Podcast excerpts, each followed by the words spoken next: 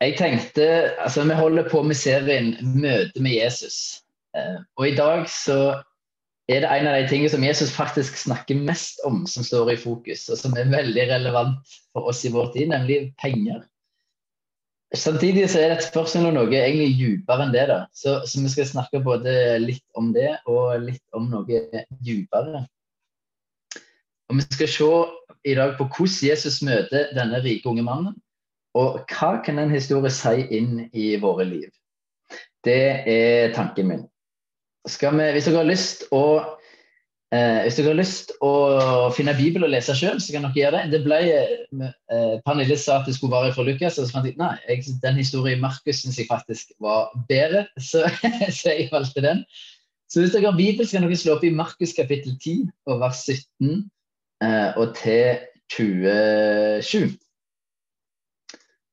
Men hvis dere ikke har Bibel, så får dere opp på skjermen. Men det kan være litt kjekt å, å lese egen Bibel. Det er en, det er en god ting.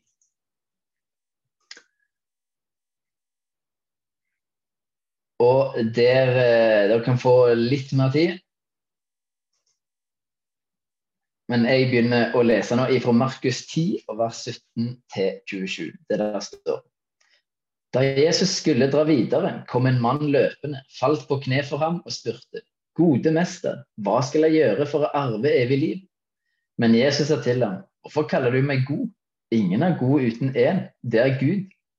Du kjenner budene. Du skal ikke slå i hæl, du skal ikke bryte ekteskapet, du skal ikke stjele, du skal ikke vitne falskt, du skal ikke bedra noen. Hedre din far og din mor. Han svarte, Mester, alt dette har jeg holdt fra jeg var ung.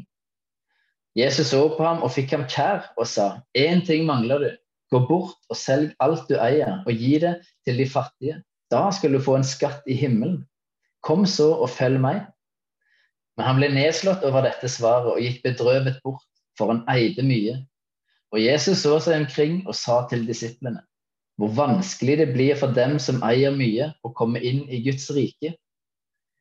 Disiplene ble forferdet over ordene hans, men Jesus tok igjen til orde og sa, Barn, hvor vanskelig det er for dem som stoler på rikdom, å komme inn i Guds rike. Det er lettere for en kamel å gå gjennom et nåløye enn for en rik å komme inn i Guds rike.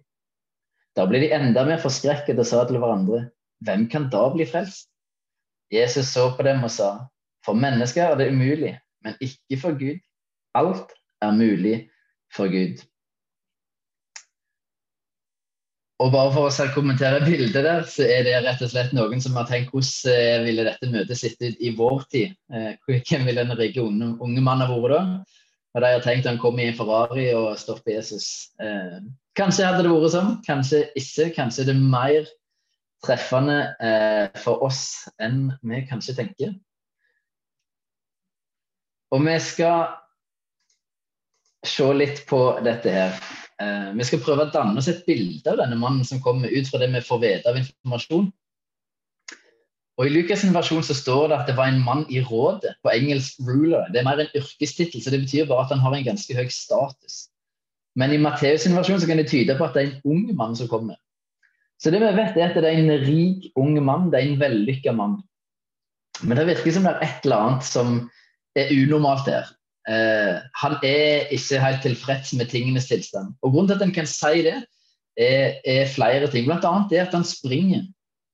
Det snakket vi om sist gang òg, når vi snakket om Sakkeus. Dette er historier som ikke er helt ulike. Men det var regnet som uverdig for en jødisk mann å springe. Så det at denne mannen sprang, betyr at det er noe som er så viktig at han gjør noe uverdig for å få en prat med Jesus, for å snakke med det som han har på hjertet sitt. I tillegg så kaller han Jesus for gode mester. Og han brukte veldig sjelden ordet 'god' om noen, for det var en karakteristikk som om eh, som ble brukt på Gud, og stort sett bare Gud.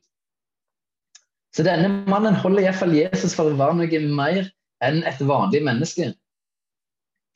Eh, og Det neste kan, som gjør at vi kan si at her er et eller annet som er på ferde, det er at, spør, at han spør Jesus hva han må gjøre for å arve evig liv.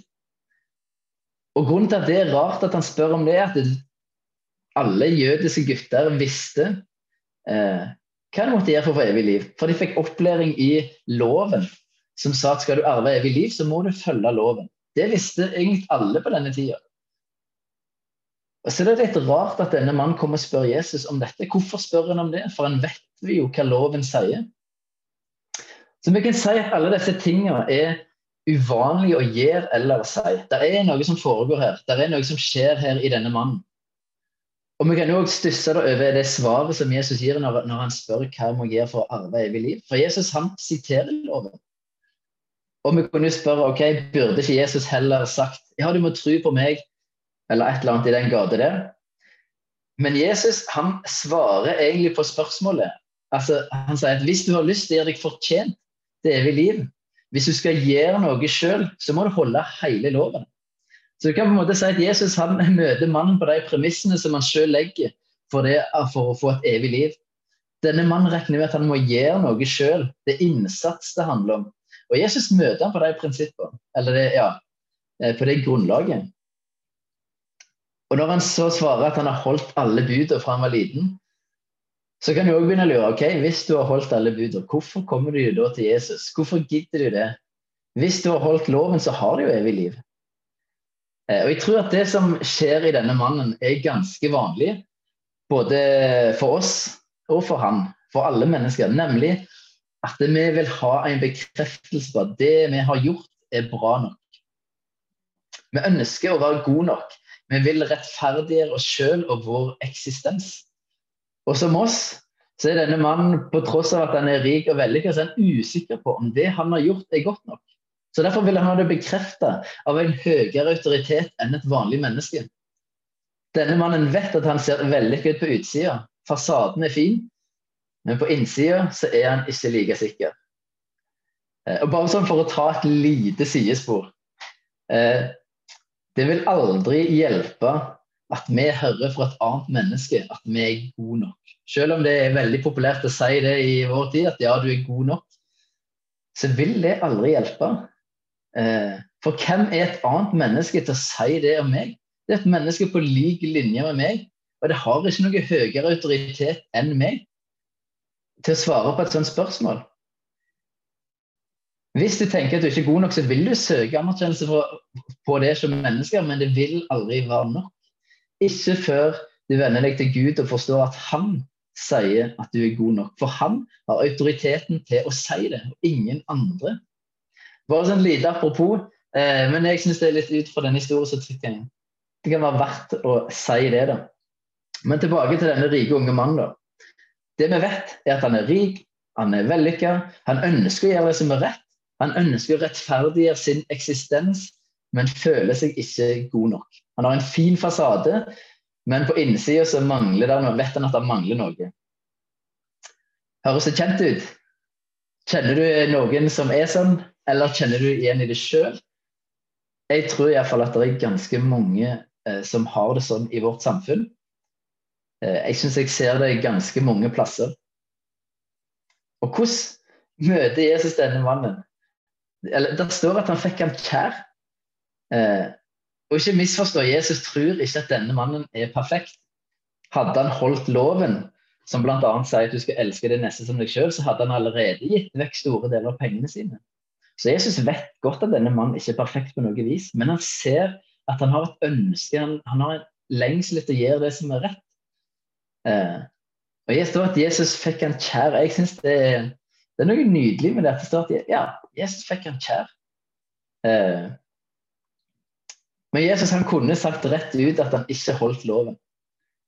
Men i stedet for å si det rett fram, så peker Jesus på det som er denne mannen sin utfordring eller sitt problem eller sin Gud, nemlig penger.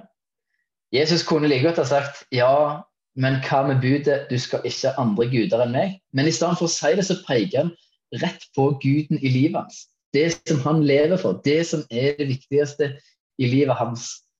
Og Jesus gir ham et valg. Skal du arve det evige livet, skal du bli en kristen, så må du slutte å dyrke den guden. Du må gi han opp. Du må ofre noe. Og når du gjør det offeret, så vil du få en skatt i himmelen. Altså en skatt med en verdi som aldri tar slutt. Som aldri, aldri slutter å være en skatt. Eh. Og dette gjør den mannen nedslått. Og han går sorgfull bort. Og Det er den eneste gangen vi leser i Bibelen om at noen går sorgfull bort fra Jesus. Det er denne mannen. Han er ikke villig til å ofre, for han har mye penger og mye rikdom. Er det da den berømte setningen kommer at det er lettere for en kamel å gå gjennom et nåløye enn det er for en rik å komme inn i Guds rike? Når disiplene hører det, så blir de overraska. For på den tida tenkte de at de som var rike, de var rike fordi de levde nær Gud, og derfor hadde Gud velsignet dem. De hadde levd et godt liv, og derfor har Gud velsignet dem. Så de som er rike, de er jo de som er nærmest Gud. Det er jo de som er tettest på å få arve det evige livet. Eh, så dette forstår ikke disiplene. Og Da forklarer Jesus, han spesifiserer litt og sier at det, hvor vanskelig det er for de som stoler på rikdommen, å komme inn i Guds rike. Altså Jesus sier Pengene i seg selv er ikke problemet her, men det er vanskelig for de som stoler på rikdommen og komme inn i Guds rike. Og Dette er litt sånn kort oppsummert eh, det som skjer i denne teksten. og litt sånn Hva skjer i denne mannen? Eh, hva er det som foregår her? Og hvis vi tenker litt, hvordan møter Jesus denne mannen her? Så syns jeg egentlig at Jesus møter denne mannen sånn som det står om Jesus i Johannes 1,14, at Jesus er full av nåde og sannhet. For Jesus har denne mannen kjær. Han har lyst å gi ham en skatt. Han ønsker å gi ham det beste. Han møter ham med nåde, men samtidig blir han òg møtt med sannhet. Sannheten om hva som er greia i hans liv, at det er en, et en problem i denne mannens liv. Eh, han blir møtt med en utfordring, eller sannheten fører til en utfordring. Og fører til et valg som vil koste noe. Og av og til så kommer vi til å møte Jesus på den måten. Eh, ikke alltid på en like lett måte.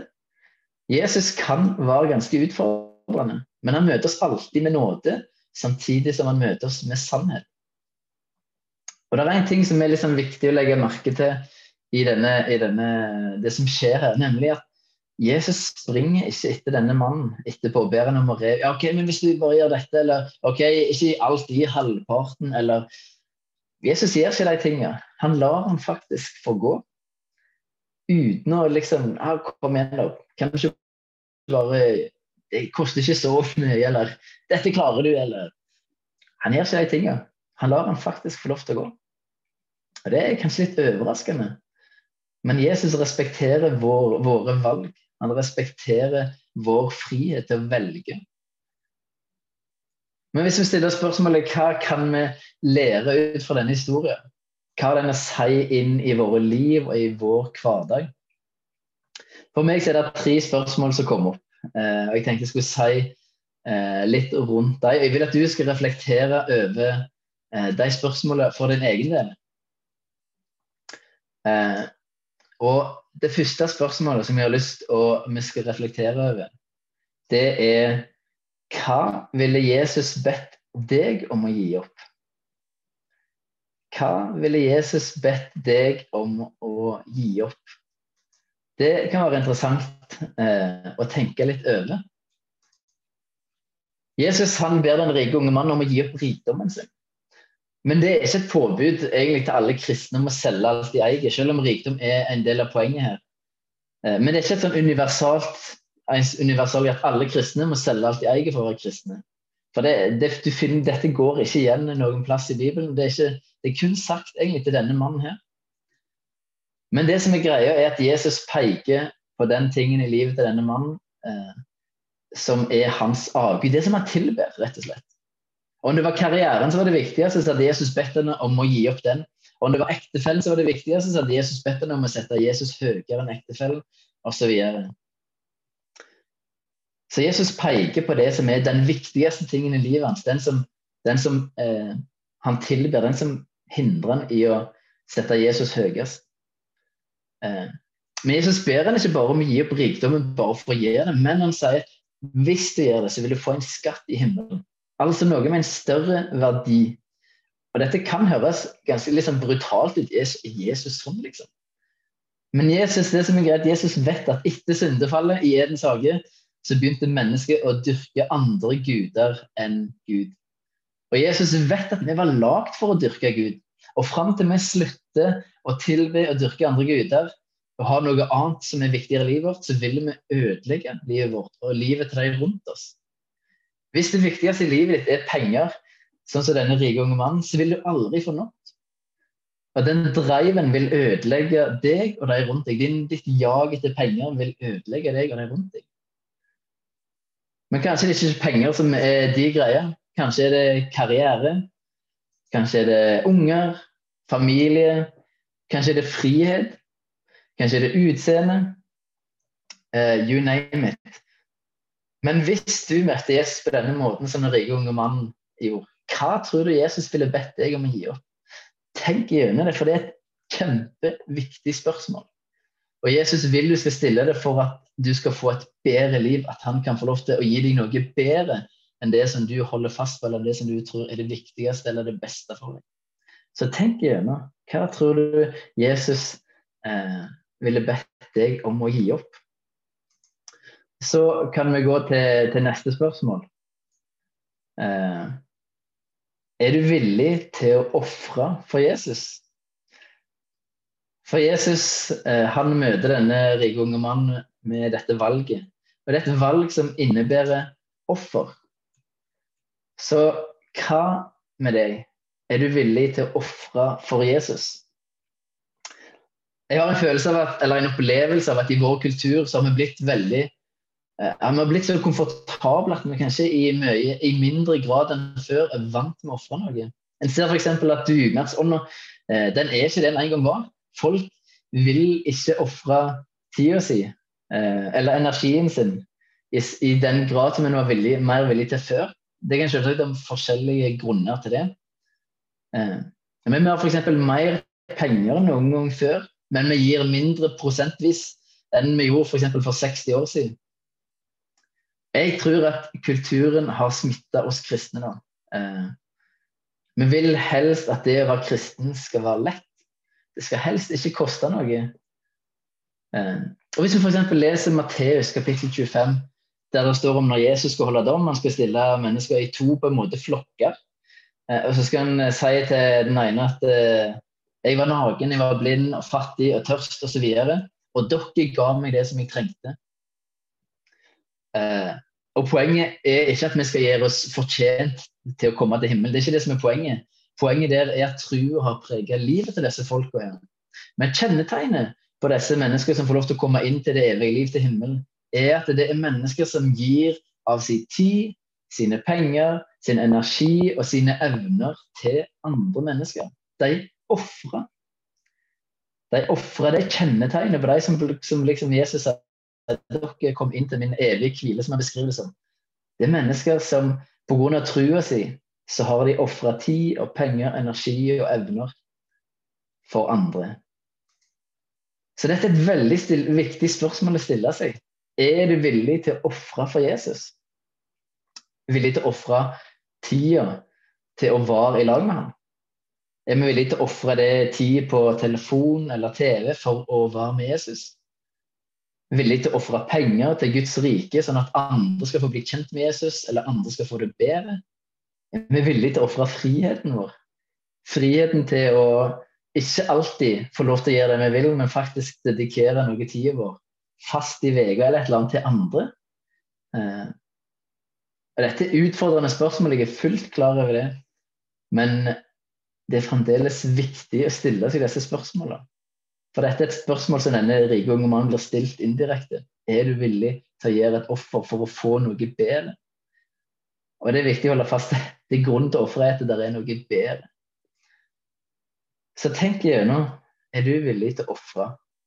Um, og ikke som et sånn dårlig samvittighet. Ingen av disse spørsmålene er sånn dårlig samvittighetsspørsmål. Men er du villig til å ofre for å finne noe bedre, noe mer? Tenk gjennom. Det er utrolig viktig å stille seg det spørsmålet. Og siste spørsmålet. Det er egentlig uunngåelig ut fra denne teksten her. Eh, men det spørsmålet blir da stoler du på pengene dine? Og Grunnen til at jeg sier at det er uunngåelig å stille det spørsmålet, er at Jesus sier det at hvor vanskelig det er for den som stoler på rikdommen sin, å komme inn i Guds rike. Så da er vi nødt til å stille det spørsmålet. Og det er et veldig relevant spørsmål å stille seg. Er pengene dine tryggheten din? Hvis f.eks. Eh, bilen skulle ryke, er det det at du har en bufferkonto som gjør at du føler deg trygg? Eller er det det at Gud har kontroll som gjør at du føler deg trygg? Hvis du mister jobben din, er det Gud du henvender deg til først, eller er det Nav? Hvem er tryggheten din? Nå er ikke Nav rikdom, men et annet eksempel på at vi stoler på noe annet enn Gud. Ehm, hvor, hvem går du til først? Er, er pengene det som vi stoler på? Er det tryggheten vår? At eh, ja, hvis ting skjer seg, eller hvis et eller annet så har jeg iallfall dette å falle tilbake på er det noe som kanskje en koronatid har vist oss, så er det at uh, du er ikke garantert noe som helst, uh, selv om du har mye penger. Du kan ikke betale deg ut av korona, selv om, jeg skulle ønske det, kanskje. Men, men, det er noe som viser oss at vi lever i en, tid der vi, vi, trenger Gud. Og vi trenger å stole på Gud. Pengene våre vil være en falsk trygghet. Og hvis du skal stole på pengene dine, så vil det være du vil, Når er det nok penger? Vanskelig å si. Eh, men poenget er at det, vi trenger å stole på Gud. For det er han som gir oss den tryggheten som vi lengter. Hvis han er den han sier at han eier universet, han er Gud, han er den som har full kontroll, så er det han som det er naturlig og logisk å stole på, ikke pengene. Eh, så stoler du på pengene dine? Det er et lurt spørsmål å stille seg. Og bare sånn for å, for å avslutte hele greia Dette er en utfordrende tekst. Det utfordrer meg veldig. da. Men hele grunnen til at Jesus ønsker, at Jesus snakker om det, og grunnen til at vi trenger å reflektere grundig over disse tingene, er at uh, dette er ting som kan ødelegge livet vårt. Det er ting som kan hindres i å få den skatten som Jesus vil gi oss. Jesus ønsker å gi deg det beste livet mulig nå og i all evighet. Jesus ønsker at vi skal ha et sunt forhold til alt i livet vårt. Penger er ikke beskrevet som en negativ ting i Bibelen, men de beskrevet som en ting som kan være utfordrende. Som kristne så bør penger heller være en ting som vi ser på som noe som er behov for å velsigne andre mennesker. Ikke nødvendigvis noe som skal tilfredsstille våre behov og som jeg sa litt sånn tidligere, at dette er historier som ligner litt på dette med Sakkeus. Det er ganske mye likt her. Men forskjellen er eh, og Hvis du leser denne historien i Lukas, så kommer det bare ett eller to kapittel etterpå. Så kommer beviset på at det som er umulig for mennesker, det er mulig for Gud. For Der kommer historier om Sakkeus som var villig til å gi opp rikdommen for Jesus. Han ga det opp fordi han sier at Jesus, det er ikke noe som er større enn deg. Du, jeg gir opp dette. Du er bedre. Du har det som jeg trenger, du har det som jeg lengter etter. Jeg gir opp pengene mine for deg.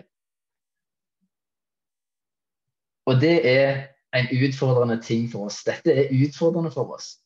Og det er ikke ofte en snakker så mye om penger i menigheter. Det har jeg bestemt for at jeg tror vi trenger å gjøre det. Eh, for, for det er en stor del av livet vårt, og Jesus ønsker å velsigne oss. Han ønsker å gi oss ikke bare at vi skal komme til himmelen, men jeg ønsker her og nå at vi skal ha et godt liv. At vi skal ha et balansert forhold til alle disse tingene våre. Eh, at det ikke er de tingene som styrer livet vårt, men at Jesus får lov til å styre livet vårt. Og så er det en ting som er viktig å si en Når en leser sånne tekster, så er det litt sånn, jeg kan iallfall lett begynne å stille seg sånn Oi, ja, hvor er jeg, da? Jeg vet jo ikke egentlig om Jesus er på førsteplass i livet mitt. Eh, er det kanskje noen ting som er viktigere for meg enn Jesus? Oi. Eh, og det som, er, det som er viktig å si, eh, det er det som handler om retning. Spørsmålet er ikke hvor er du akkurat nå, spørsmålet er hvor er du på vei? Er retningen mot at Jesus, jeg ønsker at du skal være det viktigste i livet mitt? Jeg ønsker egentlig at disse tingene ikke skal styre meg.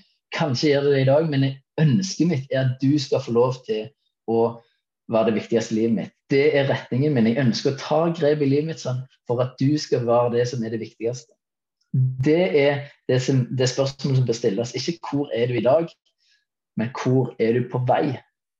Hva retning har livet ditt? Det er spørsmålet som du trenger å stille deg sånn, hvis du blir usikker på deg sjøl og troa di. Hvor er du på vei? Er lengselen at Jesus skal være det viktigste? Så jeg tenker det, det er en god ting. Det er veldig bra.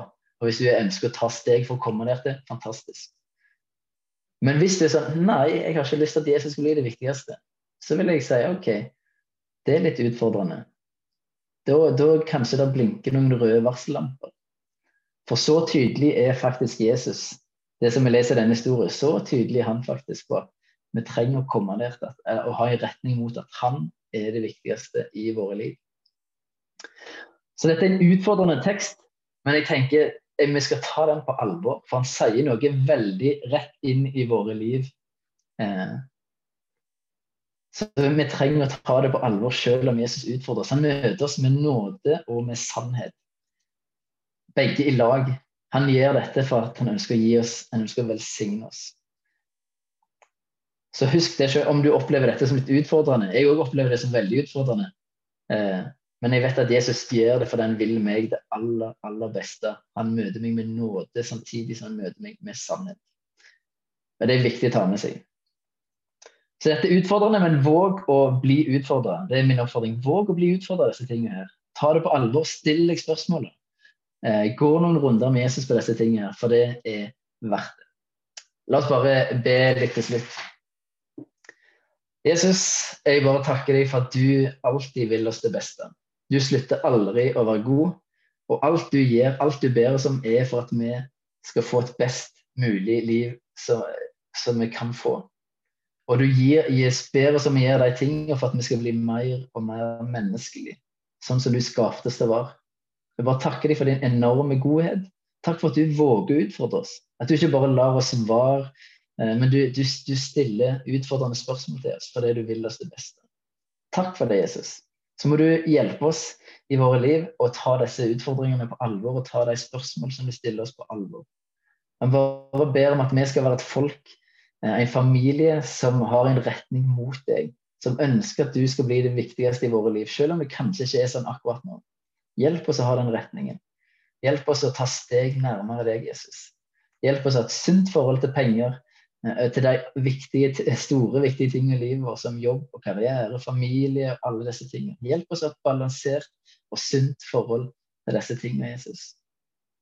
Eh, hjelp oss å forstå at det sunneste, liv, det sunneste forholdet får vi når du får den plassen som du skal ha i våre liv. Da kan de andre tingene få sin rette plass.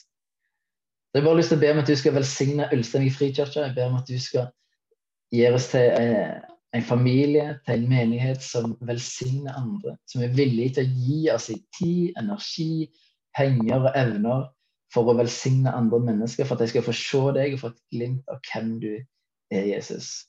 Det ber om at du skal skje. Må du velsigne alle som er med her i dag. Jeg ber om at du skal være nær alle sammen, Jesus. Amen.